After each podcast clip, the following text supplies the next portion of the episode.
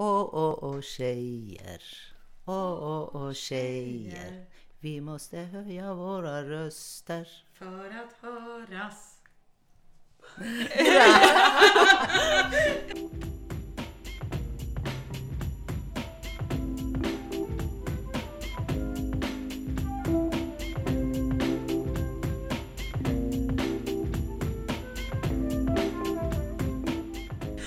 Hej och välkomna till premiäravsnittet av Reformistpodden. Eh, vi befinner oss på Arena i deras studio för att spela in. Eh, och jag som pratar nu och som kommer programleda detta eh, heter Sara Karlsson. Och med mig så har jag Celia Dagli som bjöd på skönsång alldeles nyss och som är initiativtagare till Förortsfeministerna.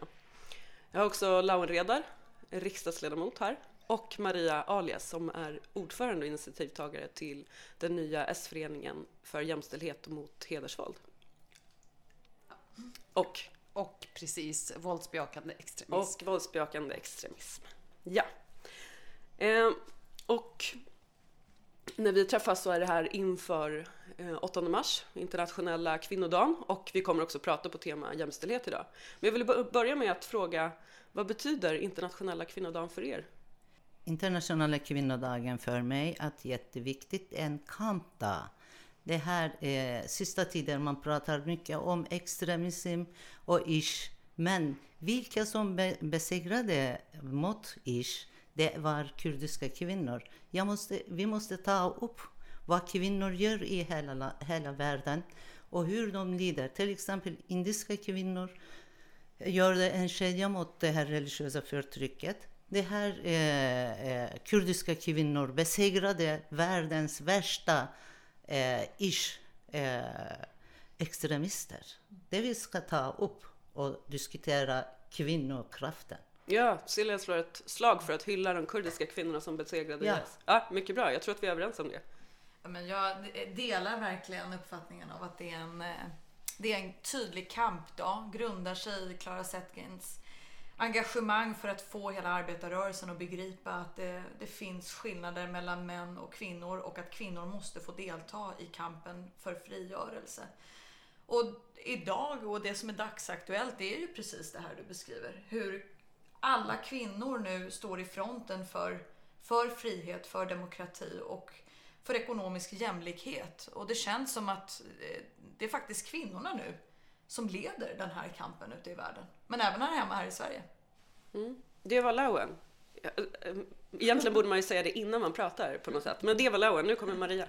Ja, internationella kvinnodagen för mig har alltid varit väldigt eh, speciell med tanke på att jag har engagerat mig i jämställdhet ja, ända sedan jag föddes skulle jag vilja påstå. Eh, och eh, eh, Eh, det, här, det här året så blir det lite speciellt för att eh, jag har en, en av mina bästa vänner köpte en julklapp till mig. Eh, och då så säger hon att du har velat ha den här resan väldigt länge så att nu ska du få en resa av mig. Och så fick jag en resa till Paris och så skuttade jag, hoppade och tyckte det var skitkul. Sen insåg jag vilka datum det var hon hade köpt, köpt den här resan och så ser jag att det är 8 till 11 mars. Och direkt så börjar jag gapa och skrika. Förstår inte du att det här är den dagen jag behöver vara i Sverige? För det händer så mycket och vi, behöver, liksom- vi har så mycket budskap vi, vi behöver komma ut med. Och sen så vill du att jag reser till Paris istället. Väldigt otacksamt tyckte ju hon. Men eh, så jag befinner mig faktiskt för första gången i mitt liv inte här och är med på alla de här underbara föreläsningarna som anordnas överallt i landet. Eh, I eh, jämställdhetskampens anda. Okej, så du tar ledigt från 8 mars i år? Ja, det kan man väl säga. Ja. Mm. Men alltså jag har alltid varit så här, jag har alltid haft en kluven inställning till, till 8 mars på något sätt. För att det är en kampdag. Alltså man ska så demonstrera och, och, och kampa liksom. Eh, men många anordnar ju fester. Alltså får man festa på 8 mars? Är det okej? Ja, det är okej också eh, festa eh, 8 mars kvällen. Men dagen vi ska kämpa. Men eh, det är också eh, eh, 8 mars eh, ska vara ledigt. Jag, jag tror att eh, vi kan starta också att eh, ha röd dag eh, 8 mars. Jag vill gärna eh, kämpa för det. Får vi se en sån motion i riksdagen, Lawen? Det här var Ja. en briljant idé. Det kan man ju sätta upp på den där reformlistan som du ska ta Reformlistan, fram. ja. Att 8 mars borde vara en, en helg dag. Jag tycker jag faktiskt låter som en utmärkt idé. Nej men får man festa? Alltså, eh, om vi får återgå till de kurdiska kvinnornas kamp så har ju de en paroll och den är Jin Jian Azadi. Och det betyder kvinnor, eh, Jian det är livet och Azadi är frihet. Kvinnor, eh, livet, frihet. Och det där med livet, varför har de med det i sin paroll? Ja, men det är ju det som hela kampen handlar om. Vad är meningen med livet om inte glädje? Att få leva i frihet, att få fira, att vara med dem man, man älskar. Eh, och kampen för den här friheten, det måste ju också få firas. Så det, det finns ju med i, i den här eh, politiska agendan att det vi strävar efter det är ju såklart att alla ska få leva i glädjens tecken och ett meningsfullt och rikt liv. Så jag är nog av eh, ganska stark uppfattning att man absolut ska få fira jämställdhetssegrarna. Man ska få fira glädjen i de vunna segrarna. Men eh, som Zelia också säger, vi ska ju självklart också debattera det vi inte har vunnit hittills och det som måste, återstår att göra. Sen är ju vi kvinnor väldigt duktiga på att fira allt som eh, ska firas och allt som inte behöver firas firar ju vi ändå.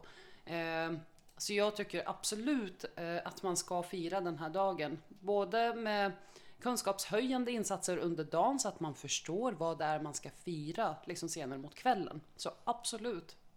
Och sen så tycker jag det var en jättebra idé att ha den som röd dag. Okej, så gärna en fest men först en ordentlig demonstration liksom. Ja, jag, Ja.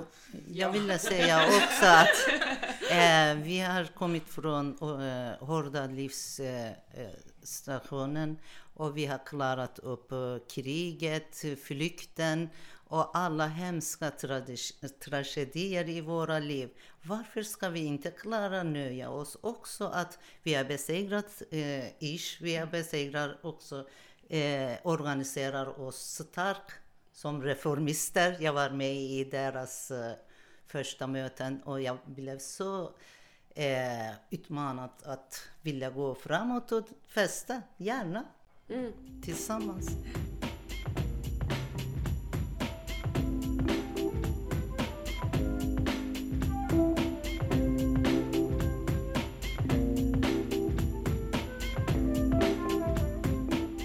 Ju som man kanske eh, kan gissa sig till när jag presenterade vilka som är inbjudna eh, gäster. Eh, förortsfeminism, kampen mot eh, hedersförtryck och eh, våld. Anledningen till att jag har bjudit in just er är för att jag tycker att ett av problemen som ofta är med den här diskussionen är att den förs eh, av personer som inte alltid är berörda eller kanske inte har kunskaper och eh, egna erfarenheter av de frågor som diskuteras. Jag tänker att jämställdhetskampen har ju alltid drivits av kvinnor själva och inte av någon yttre liksom, riddare som ska komma och rädda eh, de stackars kvinnorna. Eh, Och jag tänker att eh, de här diskussionerna också måste tas med, med personer som har egna erfarenheter av, av hur det är att växa upp i, i förorten med allt det, allt det vackra och fina men också det som är, är problem. Och också saker som har förvärrats under senare år. Eh, och personer som har egna erfarenheter av att leva med, med hedersförtryck. Eh, så därför är just ni eh, inbjudna idag. Och Maria, du har ju precis startat en, en S-förening på temat heder och jämställdhet. Varför behövs det en sån S-förening?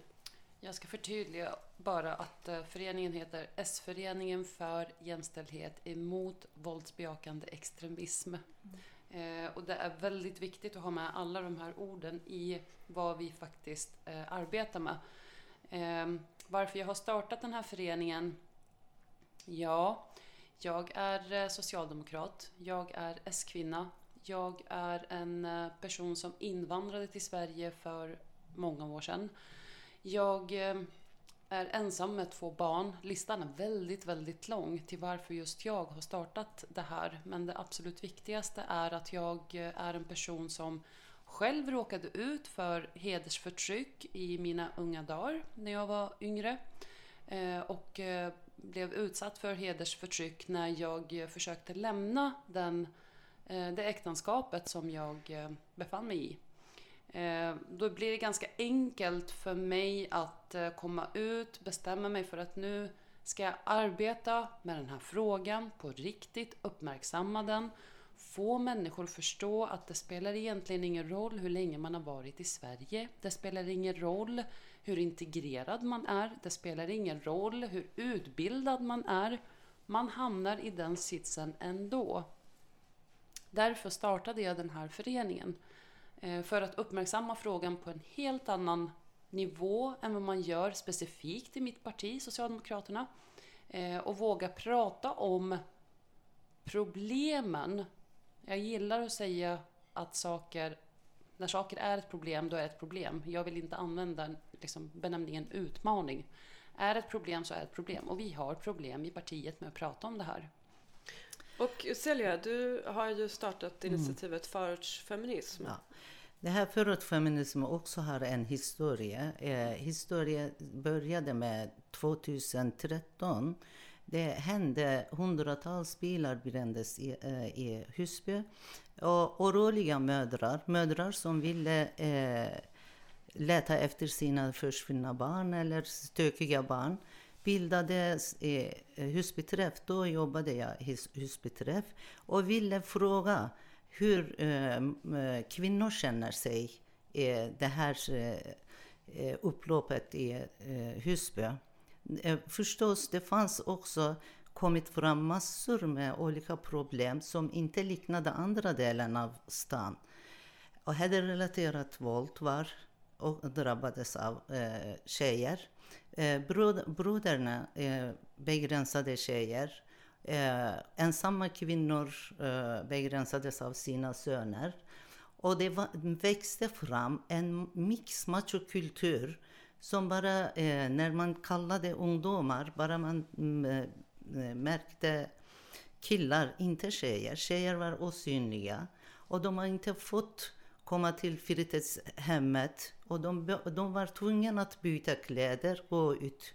Och det är en, en, eh, en, en liten rättighet de kunde inte använda. Vi hade tjejforum, föräldrarforum och frågade förortskvinnor hur de skulle leva i, eh, eller bearbeta den här typen av problemet. Då eh, vi märkte att det här eh, vår, våra problem, ett, att var det traditionens, religionens och normens inflytande in i kulturen mixade och den respekt för kvinnor försvann, respekt för tjejer försvann, respekt för svenska samhället försvann också. För mig, svenska samhället betyder att jämställdhet, respekt för kvinnor och lika rättigheter, lika eh, skyldigheter också i samhället. Och då vi bildade förortfeminismen är att sitta i kaféer för att visa att vi vågar vara ute. Och vi målade stenar för att eh, ungdomar skulle inte kasta sten, istället måla stenen med kärleksuttrycket. Mm. Och vi delade ut också kokade korv. Den som hämtade stenar istället eh, kasta. Vi gett korv. Och det här eh, oroliga mödrar, kvinnor, ville sätta stopp på eh, våldet. Ville också uppfostra sina barn eh, ett bra sätt. Men vad var det problem? Problemet var eh, moralpoliser, klans, klanssystemet begränsade kvinnor eh, komma till eh, offentliga platser och då eh, de kunde inte heller säga vad de tyckte och tänkte. Försvann plötsligt eh, att eh, skvallret gick ut att eh, eh, dåliga kvinnor som eh, organiserar kvinnor på annat sätt. Och det är vi, eh, satt, vi försökte säga från. Och så skrev jag en artikel. Som fick väldigt mycket startade, uppmärksamhet. Ja, startade diskussionen. Uh, och det uh, nu, jag, jag, vi har startat också uh, kvinnofrigörelse i förorten. Vi har till, uh, eh, salongverksamhet i Tensta. Vi ser fortfarande eh, kvinnor fått backlash, inte framåt. Då vi måste, eh, ja, det är, som Sverige är byggt av socialdemokratin, social folkrörelsen. Jag eh, tror på den och jag känner mig så lätt landat inom eh, socialdemokratin och jag hade valt att komma till Sverige på grund av eh, jämställdhet och kvinnofrihet. Mm. Och nu jag ville också ge till mina systrar i området att de har rättighet att vara med i samhället, offentliga platser. Vi ska ta över tänker jag. Men det här är ju också, verkligen illustrerar ju anledningen till att det är ni som är inbjudna eh, och inte en del andra debattörer som diskuterar de här frågorna. För att i din historia Celia så lyser det verkligen igenom kärleken till, ja. till förorten och människorna som är där. Jag Men ser också där kampen mot de här, eh, mot de här liksom mm, moralpolisen och andra som begränsar eh, kvinnors liv där. Men en del eh, som pratar om de här problemen har ju liksom ingen, ingen kärlek till förorten och eh, har ju liksom eh, det blir ofta en väldigt destruktiv diskussion. Jag tycker att det är väldigt eh, fint att lyssna på dig i din beskrivning. Lauen, eh, du är ju riksdagsledamot som är profilerad från, från um, orten. Eh, du har mest jobbat med straffrättsliga frågor i mm. riksdagen. Mm. Från din horisont, liksom, hur ser du på den här diskussionen och behovet av eh, mer diskussion inom socialdemokratin? Behovet är jättestort inom socialdemokratin. Det är därför jag tycker att det här initiativet som Maria har tagit är så oerhört viktigt. Och eh, Celias berättelser är eh, otroligt nödvändiga för oss som parti att, att förstå och vilja liksom utveckla i, i diskussionerna. Alla de här frågorna som handlar om extremism i socialt och ekonomiskt eftersatta bostadsområden, men det behöver inte enbart vara där som Maria säger här, att det kan ju extremism och, och inskränkning av människors frihet kan mycket väl utövas av välutbildade människor. Det är det som gör att de här frågorna är så komplexa och väldigt svåra att också attackera. Men jag liksom behövde någonstans fundera själv så här, vad, vad har jag för erfarenheter? Vad kan jag bidra med? Och ju mer jag har liksom reflekterat över det här, desto mer, och det är väl en kontext som jag eh, kan bättre än, än många andra, men det handlar ju om den, den kurdiska minoritetsgruppen i Sverige. Och den, när många av kurderna kom till Sverige så handlade det ju om att få ett svenskt erkännande för det oerhörda förtrycket som kurderna upplever i den kontexten de kommer ifrån. Och eh, att man skulle behöva fortsätta få stöd i den kampen i det nya hemlandet Sverige. Men sen hände det någonting på 90-talet och det var ju det fruktansvärda mordet på Fadime och Pela. Som genererade i en debatt eh, som handlade om att alla kurder är hedersmördare i Sverige och som också kommer att drabba liksom, min pappa och många män i min släkt. Att, ehm, eh, nu är det inte kurderna, eh, det här kampfolket längre, eh, som står i fronten mot extremismen och, och, auktoritära krafter, utan nu är de också själva utövare av eh, hedersvåld och förtryck.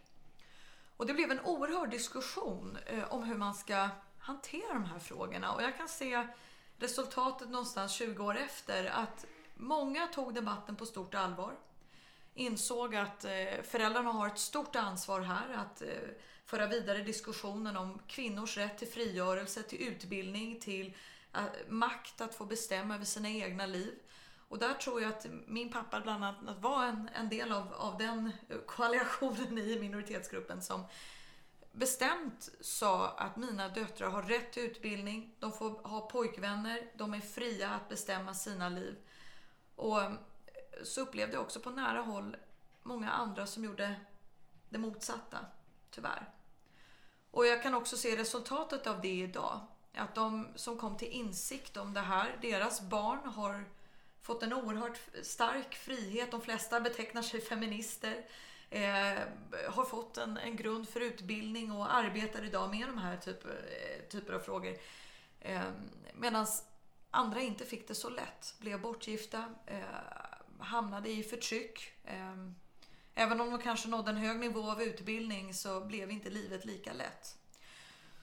Och mm. därför så har jag tänkt att jag måste vara med och hjälpa till här. Det ligger liksom i min i mitt uppdrag, även om jag inte idag jobbar med straffrättsliga frågor, att stärka partiet kring kunskaper om de här frågorna. Och jag behöver också folk som gör det här och använder rätt begrepp och har rätt analysmetod och inte minst som du själv nämner erfarenheter av det här. För jag har inte upplevt den här typen av hedersrelaterat våld och förtryck som kanske Zeliha och Maria har varit en del utav. Som på ett mycket bättre sätt än jag kan sätta ord på det här. Men det jag kan bidra med det är att se till att vi har en seriös debatt i partiet om gränsdragning mellan den religiösa friheten och sekularism. Eh, hur vi ska attackera eh, den våldsbejakande extremismen och hur vi ska förstärka kampen mot hedersrelaterat våld och förtryck. Och där tog vi ju ett initiativ förra mandatperioden för, för att eh, få till stånd en utredning om, om att vi ska göra en straffrättslig grund för förtrycket, Att den är alldeles särskild och den behöver omnämnas särskild i vår brottsbalk. Eh, men det krävs mycket, mycket mer och det är kunskapsfrämjande insatser, eh, inte minst inom ramen för socialtjänsten där det har gjorts ett bra arbete men det måste också få politiskt stöd. Eh, och så, och så finns det en hel, en hel del andra saker som måste till och nu när den här debatten om IS och deras ideologi är på tapeten så upplever jag att det finns alldeles för lite kunskaper i våra kommuner, för lite strategiskt arbete som måste till. Och där är jag beredd att dra ett lass. Mm. Celia sitter och viftar. Du ska få säga vad du har um, Ja, det är um, kampen för uh, frigörelse för kvinnor är svåraste. Ja, visst, gärna. Uh, arbeta, arbetslinjen också jätteviktigt. Be betyder inte att när vi kämpar mot hederrelaterat våld vill inte ha arbete. Självklart vi vill ha arbete. Till exempel förortskvinnor, Sikrek, ofta eh, betonade också att vi vill inte ha välmenande sysselsättningar som drar kvinnor tillbaka till hem. Vi vill gärna ha utåtriktade jobb, i, eh, riktade arbete framåt. De har sagt gång på gång, men fortfarande i förorter, jag med, eh, eh, kollar upp alla eh, föreningar och det här erbjuds bara sysselsättningar. Och sy, sticka, vi kan redan. Men vi vill ha cykla, simma, hantera datorer, köra bil, höja karriären.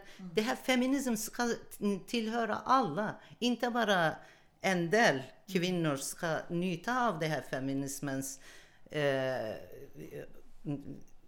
ja, feminismen. Det är alla vi som också har kämpat i våra liv, eh, liv och död och ska också njuta av det här. Mm. Och det är feminism för alla. Jag måste bara få lägga till att jag tycker det här, det här är en så himla viktig del av hela den här diskussionen om empowerment på riktigt. För det finns en dubbel standard vad gäller mm. kvinnor mm. som är utlandsfödda och eh, liksom vad vi någonstans vågar överhuvudtaget erbjuda svenskfödda kvinnor. Vi skulle aldrig någonsin komma med arbetsmarknadsåtgärder som du beskriver här som handlar om att sticka och sy. För det skulle framstå som att det är fullständigt könsdiskriminerande.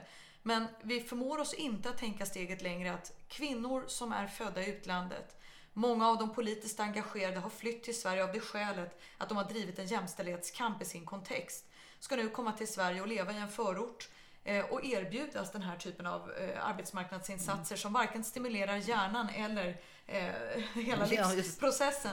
Och, och jag tycker att det är viktigt, även för de politiska partierna, att förstå att det finns jättemycket kunskaper att inhämta.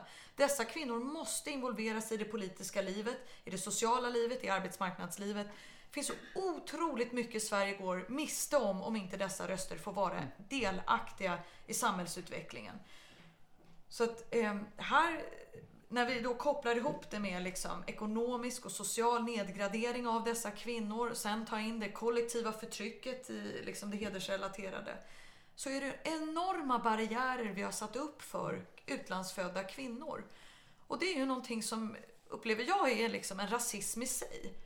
Mm. Och det är den typen av rasism pratar vi inte om. Att vi faktiskt nedgraderar kvinnor. Vi tror inte på deras kunskaper. Vi tror inte att de har enorma erfarenheter med sig från hemlandet som, som man behöver eh, få ett erkännande för i Sverige. Så att om vi inte tar det på stort allvar att dessa kvinnor behöver språkinsatser för att själv då få makten över sina egna liv. Ja, då har vi faktiskt gjort någonting som är fruktansvärt och det är att cementera kvinnorna inför både låglönejobb och att inte få en plats att bestämma i det politiska livet i Sverige. Mm. Alltså jag, jag vill ändå fråga, alltså för att ofta när man, eh, när man lyfter de här frågorna så är ansatsen att så här, vi måste prata mer om det här. Vi behöver prata mer om eh, hedersförtryck. Eh, och jag tänker så här, man kan ju se eh, olika på när vi pratar tillräckligt om det. Men om man tänker sig att vi kommer till ett läge där vi säger, ja men nu pratar vi tillräckligt mycket om det här. Vad är nästa steg? Nästa steg är ju att politikerna faktiskt gör någonting åt det som vi alla säger. Eh, för det pratas väldigt mycket om det i media, det pratas mycket om det bland eh, skolpersonal, sjukvårdspersonal, alla typer av yrkesverksamma personer. Men det kommer liksom inte riktigt upp på tapeten hos politikerna och det är där man kan göra någonting. Det är klart att alla som alla kan bidra, alla kan hjälpa till. Men för att stifta lagar, då behöver vi politikerna. Och det är där, man, det är där jag inväntar. Men vad är det för lagar som du vill se?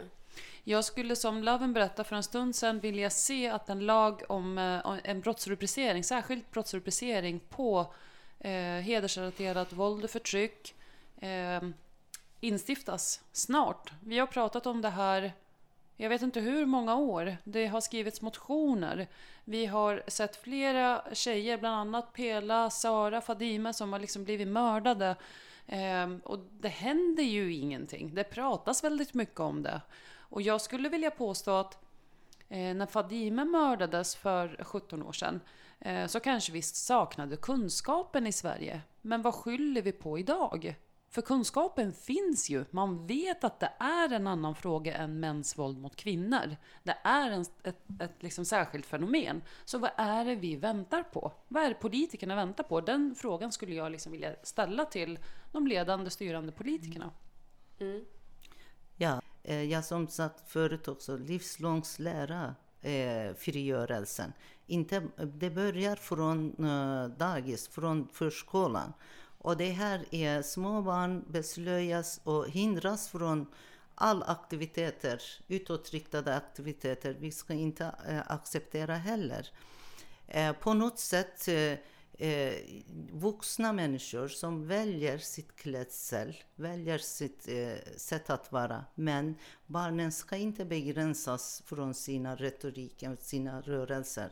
Och det här är ja, e, vilket ålder man kan diskutera, men beslöja små flickor, det är inte rätt. Och inte heller eh, förklara eh, sexuella objekt och skilja eh, separata badtider för mindreåriga barn. Det är hemskt eh, att vi ska inte acceptera den. Och privata skolor, religiösa privata skolor, mm ska inte vara i vårt samhälle heller. Mm. Alltså nu, jag, du sparkade ju rakt i det som kanske är det största getingboet i de här diskussionerna och det är mm. ju um, slöjan eller hijaben eller hur man väljer att Ja men det är, det är små barn ska inte eh, begränsas. Det är barnets rätt i samhället ska vara centrum. Inte föräldrars vilja. Oavsett om det beslöjas eller något annat sätt hindras. Till exempel eh, idrotten. Eh, tjejer eh, cykla, idrotta och simma förhindras med traditionella sätt också. Det här, du, det, du ska bevara din oskuld, du ska inte cykla, du ska inte klättra. Den här typen av hinder syns inte, men vi vet det finns. Är samma sak med ridning också. För ridning att man tror ju också. att man kan, liksom, att mögelsenan kan förloras när man liksom rider på en häst. Det är samma föreställning där också. Men jag måste bara rycka in och säga det att jag är ju också en sån extremt stor förespråkare av att faktiskt eh, förbjuda slöja på minderåriga barn. Man pratar väldigt mycket ålder. Vad är lämpligt att sätta för ålder? För mig handlar det om minderåriga barn. Vad säger lagen? Eh, att man är minderårig? Mm. Jo, det är ju under 18. Det är mm. där jag tänker, men i och med att man är straffmyndig, eller vad heter ja. det? Att straffmyndig heter det. När man är 15, då kanske man kan diskutera där om det är vettigare om det är 15 eller 18. Men för mig, vad jag skulle komma fram till, är att det är så obeskrivligt provocerande att titta på hur femåringar, sexåringar, fyraåringar går med slöja Och att vi bara tittar på och inte agerar. Och det är där jag är så besviken över när det gäller mitt parti. Som har varit det parti som har varit bärare av alla jämställdhetsreformer genom tiderna sedan vi skapades. Men att man, vissa frågor har man liksom inte tagit tag i och vill inte ta tag i dem. Det gör mig väldigt, väldigt ledsen. För det ska inte vara så. Det är vi som ska vara liksom längst fram i ledet och leda de här frågorna. Och vi måste sluta vara rädda. Det är där det handlar om. Vi måste sluta tänka, vad kommer de här personerna säga om mig ifall jag vågar lyfta de här frågorna? Men är det, är det verkligen rädsla eller är det helt enkelt att det är väldigt svårt? Om jag bara får vrida lite så prövar jag tanken så här. Min faster är ju beslöjad. Men hon har intellektuell förmåga och teologisk grundkunskaper i att berätta för mig varför hon är beslöjad. Det betyder med andra ord att när jag har en lång filosofisk, teologisk diskussion med henne om slöjan, religionen, filosofin, värderingar så är hon en oerhört beläst person och argumentera på sätt som stimulerar också mina tankar kring värderingar, filosofi, religiositet och då är jag sekulär. Eh, och jag tänker att den här förmågan att kunna intellektuellt tala om slöjan och religiositetens betydelse för en individ det tror jag inte barn har kapacitet att göra.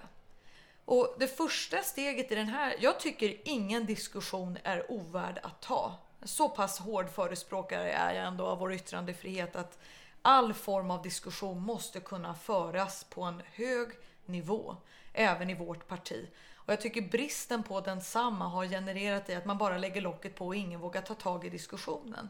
Det här är en diskussion som efterfrågas. Jag tycker inte vi ska vara rädda för att ta den.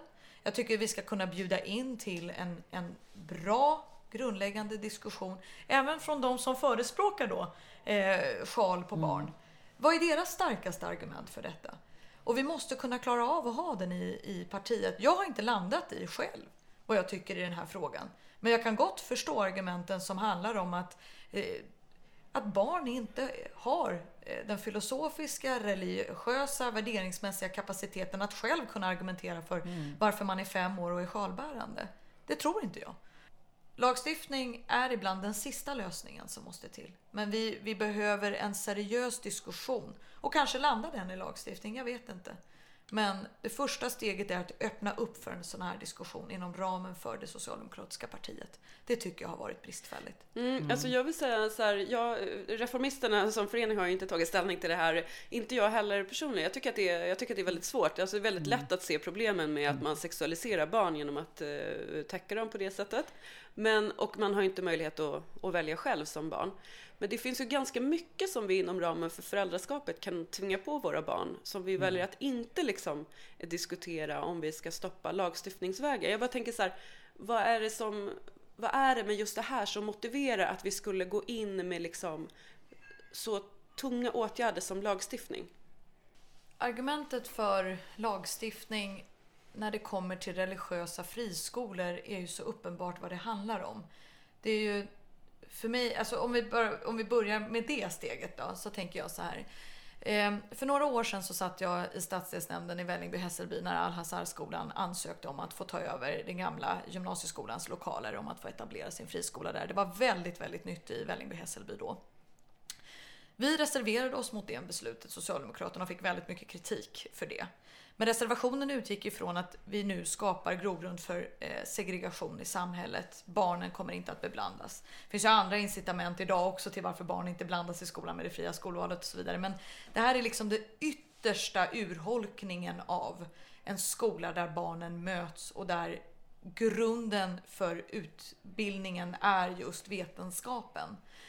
Um, Mm. och den debatten tycker jag att vi har kunnat klara av att ta hem på ett väldigt enkelt sätt. Även om alla partier, vissa går in i diskussionen om friskolans existens och inte så, så har det för oss ändå handlat om liksom vad religiositeten gör med, eh, med utbildningen och utbildningens grund och liksom det kollektiva kravet på att ja, men på raster, vad ska man göra då? Eh, Vilka barn kommer att överhuvudtaget ansöka till den här typen av skola?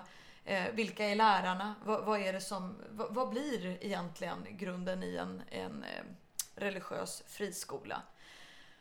Och sen då komma in på liksom hela den här samhällsdebatten. Det vi ändå kan se ute i världen idag och som vänstern har ett generellt bekymmer med. Det är att vänsterns kvinnor i Mellanöstern och Nordafrika i vart fall. De går ju sekularismens spår idag. För deras svar på den religiösa extremismen är sekularismen och socialism.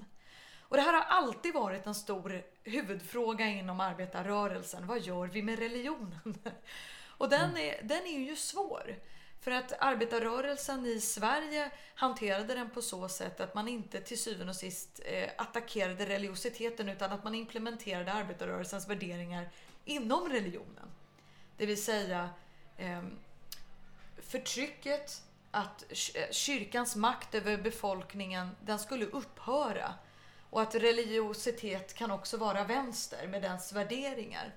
Och så långt har ju inte eh, debatten kanske kommit i Mellanöstern eller Nordafrika. Men där har kvinnorna hanterat det religiösa utövandet i samhället med att kontra med att säga att vi vill ha sekularism.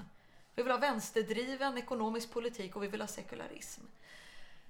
Svaret på religiositet kan inte vara att vi gör det som Frankrike gör nu. Att poliser ska gå och dra av slöja på människor. Vi har sett den kontrarevolutionen i Iran. Det vill säga att det finns grogrund för religiös, religiös extremism med att förbjuda människor dess religiösa utövande. Jag tror ändå på religionsfriheten i ett sekulärt samhälle. Men det är klart att vi måste fundera på barns mm. fri och rättigheter.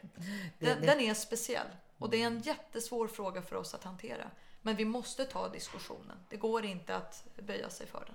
Jag bara får flika in där. Eh, vi måste, för att komma någon vart i den här diskussionen, för att nå resultat utan att nödvändigtvis behöva lagstifta, så behöver vi lyfta vad är skillnaderna?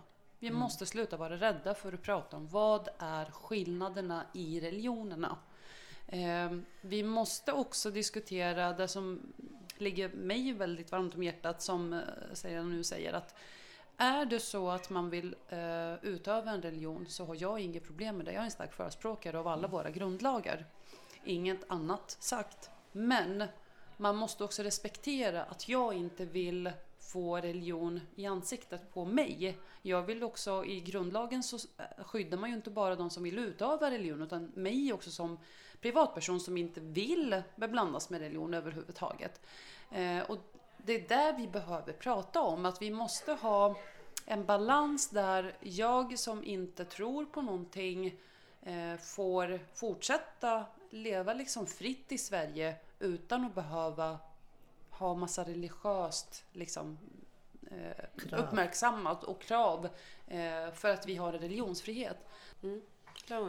Nu kontrar jag Maria lite grann. Jag tänker så här att Um, Debatt här nu. Ja, ja men det, det, här är ju jätte, jag tänker det här är jätteintressant för att jag är ändå av eh, uppfattningen att vi, vi lever i ett mångfaldssamhälle. Det ska präglas av pluralism. Jag kommer att möta sånt i samhället som jag inte eh, tycker om. som jag kanske inte eh, tycker är det bästa. Men i min demokratiska uppfattning för både yttrandefriheten och för den här pluralismen så kommer jag också utstå och acceptera eh, att jag utstår saker och ting som jag inte själv eh, vill vara en del utav. Eh, jag tycker det är viktigt att vi har kyrkor, att vi har moskéer, att vi har synagogor som, där människor får gå in, får sin andlighet och får värna om sin tro där. Och även i att få bära sjal, att få ha korset runt halsen, eh, kippa på huvudet. Och det, det, det samhället vill jag leva i. Däremot är jag fullständigt sekulär. Jag vill inte att eh, samhällets institutioner ska präglas av mm. religiositet. Men kunskapen om religionen måste vi alla få genom att vi har eh, religionskunskap i, i skolan. Liksom vi ska ha eh, all form av bildning och eh, eh liksom, grund för förståelse för den här pluralismen.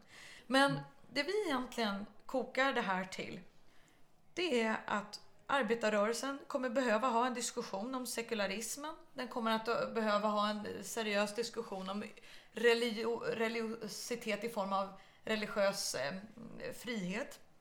Och sen så tänker jag att det hedersrelaterade våldet grundar sig inte alltid i en religiös uppfattning. Det måste man ju också förstå att det har en kulturell bakåtsträvande kontext. Ibland är det faktiskt mest präglat av kulturell kontext av eh, reaktionära krafter också.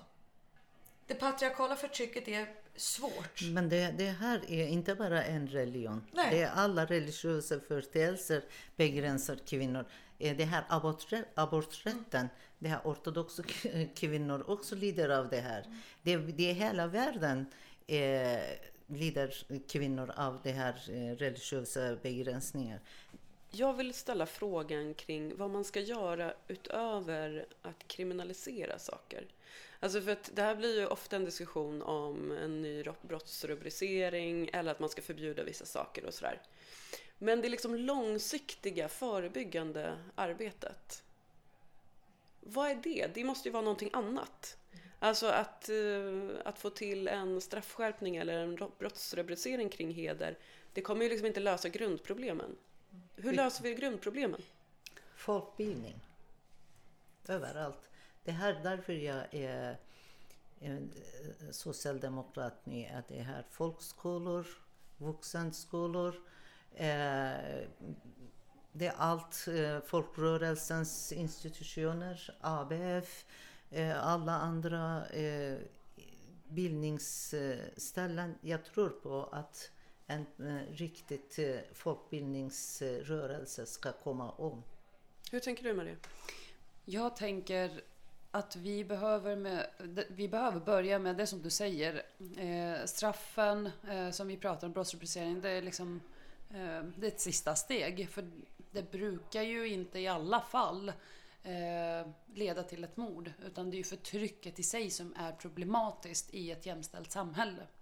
Eh, så jag tänker alla kommuner behöver börja med att ha en uppdaterad, klar handlingsplan på hur man arbetar med det här. Alla regioner, alla landsting behöver det. Man behöver börja utbilda eh, alla som kommer i kontakt med eh, den här problematiken. Alltså skolor, sjuksköterskor, undersjuksköterskor, eh, poliser, socialsekreterare, alla yrkesverksamma som kommer i kontakt med de här killarna, eh, flickorna, kvinnorna och männen i alla kategorier. Höja den kunskapen hos alla yrkesverksamma. Lyfta till eh, en diskussion om det här och få de här eh, Eh, alla branscher att förstå att det är okej att diskutera det. Du kommer inte bli kallad för rasist eller islamofob eller vad det nu är för någonting. Ehm, och nämna att jag faktiskt är född i en kristen familj. Så det är jättebra att säga att det här inte tillhör en specifik religion. Och jag utsattes för det här. Eh, så att eh, det jag skulle vilja se framför mig det är ett år, alltså nästa år, om vi sitter här och ska spela in en sån här podd igen inför nästa internationella kvinnodagen, eh, så har alla kommuner gjort en handlingsplan för det här.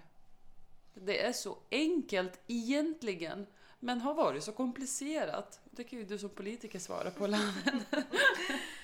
Ehm, Jag vill bara komplettera med folkbildningen och du nämner du handlingsplan i kommunerna. Eh, Ett ytterligare steg som jag tänker är jätteviktigt det är ju ekonomiska incitament. Det är klart att hedersförtrycket slår hårdare mot kvinnor som inte har ekonomiska förutsättningar att frigöra sig. Ehm, Det betyder inte att, att hedersförtryck inte finns bland välbärgade eh, familjer heller. Det gör det. Men om vi ska liksom nå de som drabbas som allra värst så är det kvinnor som inte har de ekonomiska incitamenten att frigöra sig från det här. Och vi, nu begränsar jag mig till kvinnor men det gäller ju givetvis HBT-personer och, och alla som är offer för hedersrelaterat våld och förtryck. Även, även unga män eh, kan mycket väl vara detta. Men om jag bara liksom får gå till just den gruppen i samhället så måste man ju få förutsättningar att kunna lämna ett liv i destruktivitet. Och den grunden är ju vårt välfärdssamhälle, det vill säga att tillgodose människor bra levnadsstandard. Att om du inte, om du vill frigöra dig från ditt familjs förtryck eh, så kommer det många gånger krävas att du kan flytta därifrån. Att du kan lämna den bostad du befinner dig i. Det kommer att kräva att du får grundläggande utbildning om dina friheter. Men då pratar vi folkbildning också här, men, så det är bildning och utbildning. Att du får chansen att faktiskt eh, Eh, gå en bra grundskola, eh, bra gymnasieskola, få möjlighet att plugga vidare om du vill det eller få liksom möjligheten till ett arbete som ger dig eh, en, bra lönenivå som gör att du faktiskt också kan, kan få den friheten som, som gör att du kan bestämma och ha makt över ditt egna liv. Och de som drabbas som allra värst av hedersförtryck, i, om vi nu får gå tillbaka till de geografiska områdena som är eh, ekonomiskt eftersatta, så är det just det här som är problemet. Att dessa områden präglas av en hög koncentration av arbetslöshet, hög koncentration av dåliga utbildningsresultat. Hur tror vi då att kvinnors frihet ser ut här? Den är ytterst begränsad. Man måste planera månaderna för barnen. Man kan inte skilja sig från den mannen som, som man lever i, det förtrycket i.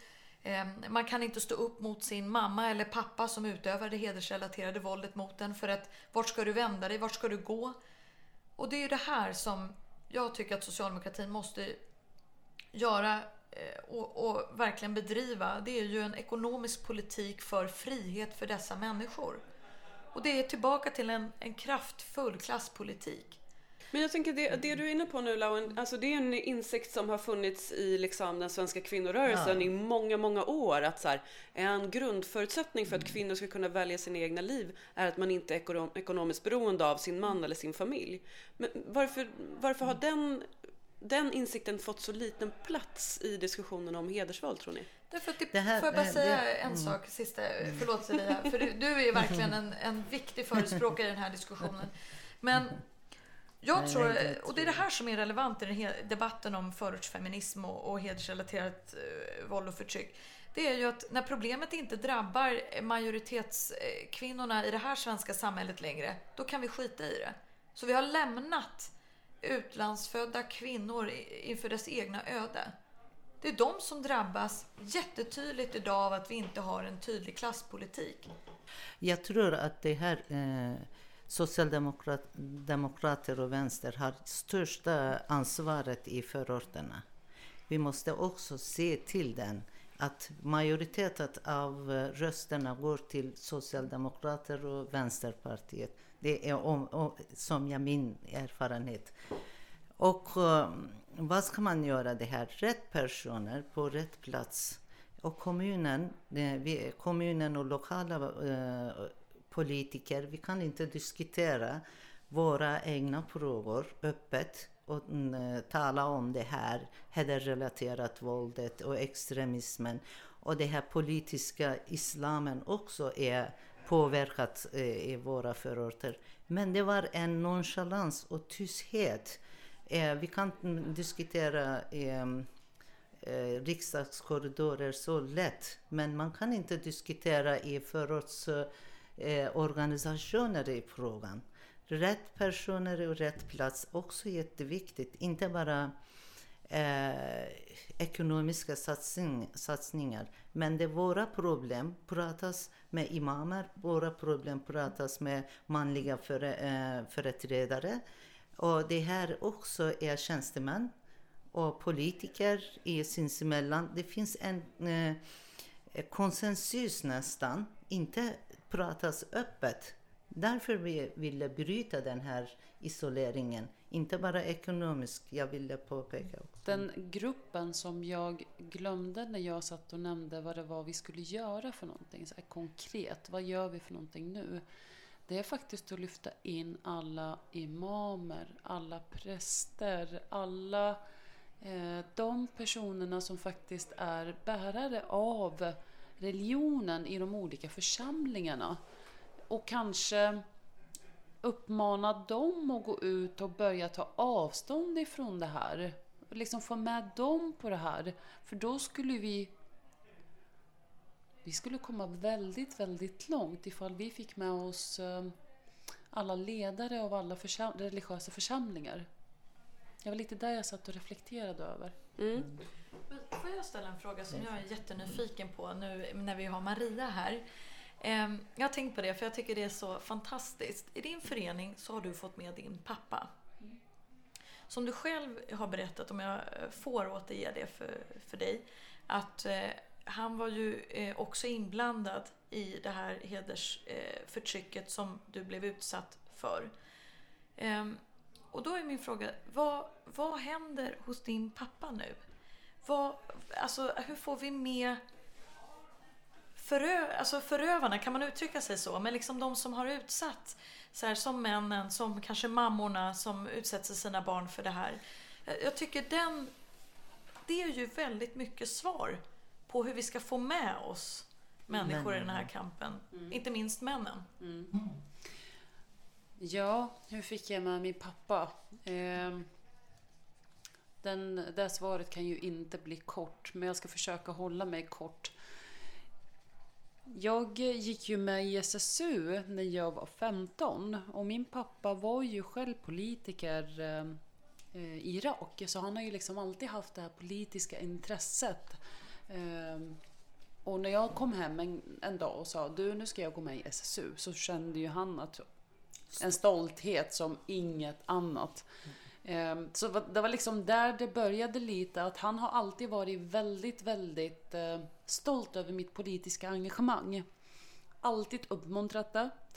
Eh, stått emot eh, släktens prat om att eh, tjejer ska inte vara ute på möten och tjejer ska inte sova borta på helgerna och hela allt det där som vi fick höra eh, när jag växte upp.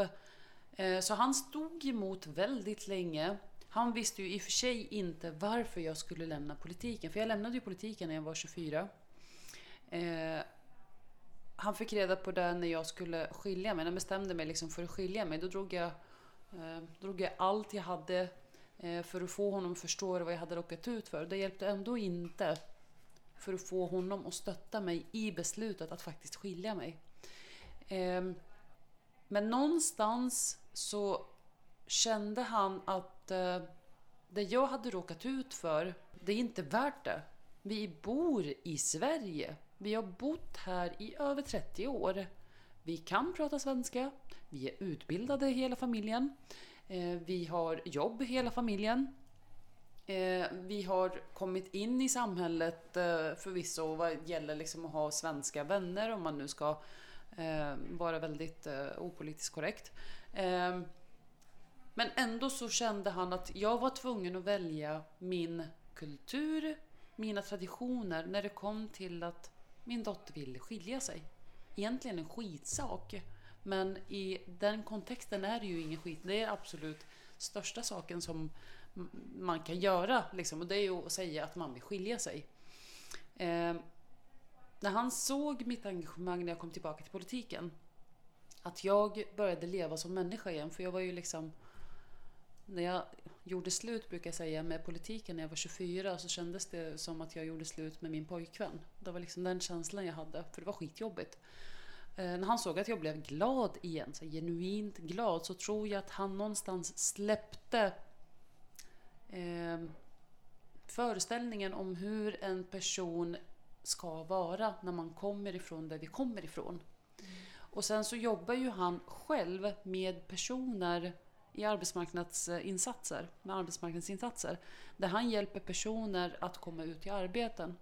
Och det är ju för det mesta eh, invandrare, det är ju inte svenskar. Och han hör hur de pratar, eh, han hör hur de resonerar och någonstans där, så det är liksom en blandning av att ha sett mig, att jag har blivit en levande person igen. Jag är ingen person som bara överlever, jag faktiskt lever nu. Eh, tillsammans med det som han får höra i sin yrkesroll dagligen.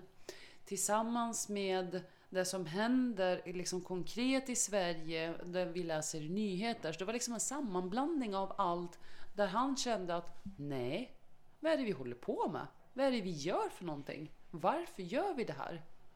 Och någonstans där slutade han hitta svar på varför gör vi det här? Men hur tror du, vad kan vi lära oss av hans eh, erfarenhet? Hur får vi fler att, eh, att komma till din, den insikten och ställa sig den frågan att vad fan är det vi, vad gör vi? Det är ju eh, alltså det är ju bara diskussioner, det är ju försöka prata med människor. Det är det enda, det är det enda vi kan göra. Eh, han, eh, eh han har gett sig fan på att han ska gå runt och prata om det här. Eh, för han är ganska igenkänd liksom i våra trakter. Eh, så han har en... Eh, folk respekterar honom väldigt mycket. Så han kommer, och i och med att vi är syrianer och syrianer finns typ över allt i världen eh, börjar en syrian som är en ganska respekterad syrian prata om det här så kommer det här att nå ut.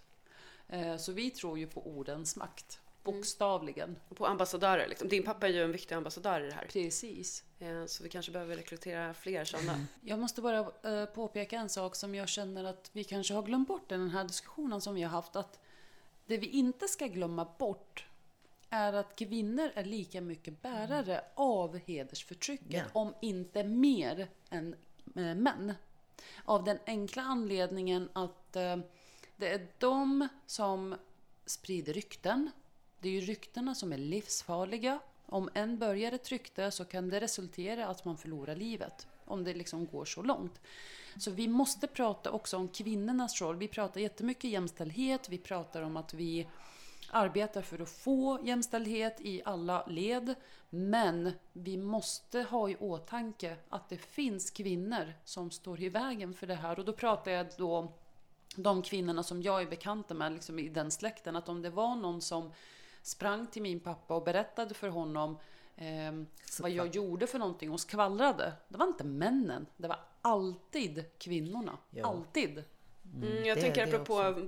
folkbildning som vi har varit mm. inne på här att ja. det, det, finns nog ett, ett, ganska stort behov av att folkbilda om hur de här hederssystemen faktiskt ser ut och fungerar. För jag tror att för väldigt många i, i Sverige och i andra länder såklart eh, så, så är det ganska diffust. Eh, och att man tänker att, eh, att det är liksom män som alltid står för det här förtrycket och våldet. Så jag tänker att det finns liksom stora kunskapsluckor att fylla kring, kring det som ja, du är inne på Maria. Jag tror männen som är staten, eh, kvinnor är styrelsen, kvinnor är också är mittemellan fångvaktare. Som mm. Jag känner att mamma, min mamma var som fångvaktare mm. över mig. Eh, min farbror gett order, min mamma utövade order. Alltså det här är ju väldigt viktiga frågor att lyfta. Men samtidigt finns det ju många som har en farhåga om att den här diskussionen ska förstärka stereotypa eh, bilder och fördomar om människor från vissa länder och kulturer. Och jag undrar, kan man liksom ta hänsyn till det? Och hur, hur är man en, en bra förortsfeminist och en bra antirasist eh, samtidigt? Så den frågeställningen blir lite som att säga att eh, religiös extremism inte drabbar religiösa människor. Eller att hedersrelaterat förtryck inte drabbar troende kvinnor. Det är en feluppfattning. Alltså, man måste kunna attackera de här frågorna samtidigt. Och det betyder, man måste vara varsam, man måste bry sig om att liksom ha en diskussion eh, som är öppen och transparent. Och det kommer ibland kanske bli eh, Eh, känsliga frågor som ska diskuteras. Vi pratade tidigare här om slöjdiskussionen på barn. Eh, jag tror att det är fel att inte tillåta den typen av diskussioner. Då har man landat fel.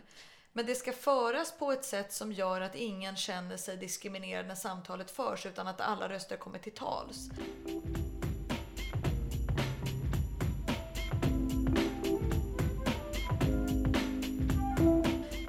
Den varsamhet vi, vi känner inför det här, den är viktig. Samtidigt som det är så att i konflikt med Alltså om jämställdhetsdebatten kommer i konflikt med religiös uppfattning så har faktiskt, både enligt internationella konventioner, men det behöver man ju inte hänvisa till, det kan ju också vara en, en politisk uppfattning, det är att jämställdhetssträvan har företräde. Och det har den. Vi har, vi har verkligen inte tid för ytterligare diskussion. Eh, så jag ska inte sammanfatta diskussionen, den får stå för sig själv. Men däremot så har jag antecknat under diskussionens gång här en eh, reformönskelista. Mm. Eh, så det får bli sammanfattningen. Mm. Och här är önskelistan. 8 mars ska bli en helgdag. Ja. Vi ska ha en egen brottsrubricering för hedersförtryck. Jo. Vi ska ha bort de religiösa friskolorna. Ja. Alla kommuner ska ha handlingsplaner mot hedersförtryck. Ja. Vi behöver ha med imamerna och prästerna i det här arbetet. Halleluja. Vi behöver mer folkbildning om de här frågorna. Ja. Och där Ja. behövs fler ambassadörer likt eh, Marias pappa. Amen. Ja. Och vi ska fortsätta diskutera frågan om hur vi gör med slöja på barn. För där kom vi inte riktigt fram till eh, exakt hur vi skulle göra. Mer än att det är en diskus- diskussion som måste fortsätta föras och måste fortsätta föras inom socialdemokratin. Ja. Så vi alla fyra som är här får ju ta ansvar för att vi fortsätter föra den Absolut. diskussionen. Eh, och då innan vi avslutar Nej, så... men vänta Sara, du tog ingenting om social och ekonomisk politik här. För kvinnors Ja, vi frigörelse. Vi vill, ju också stärka vänsterpolitiken. För Eller vi kvinnors vill rätt till arbete, till bostad och till utbildning. Ja, Inga syjuntor för Riktiga jobb, kvinnor. inga syjuntor för, för Ja, invandrarkvinnor just eller det. kvinnor i Ja. orten. Precis, jag förespråkar jämt.